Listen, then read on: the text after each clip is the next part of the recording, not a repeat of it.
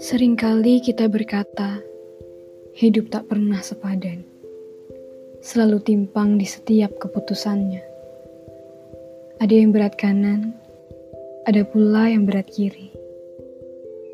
Kita menyebutnya sebagai ketidakadilan, sebuah kalimat bermakna ketidakpuasan.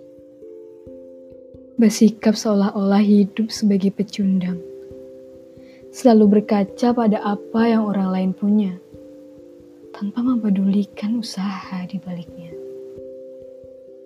Lalu menyalahkan diri, menyalahkan keadaan, bahkan sesekali menyalahkan Tuhan.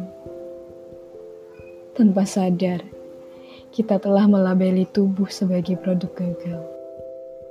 Merasa diri sendiri lebih buruk dibanding orang lain tidak seberuntung orang lain.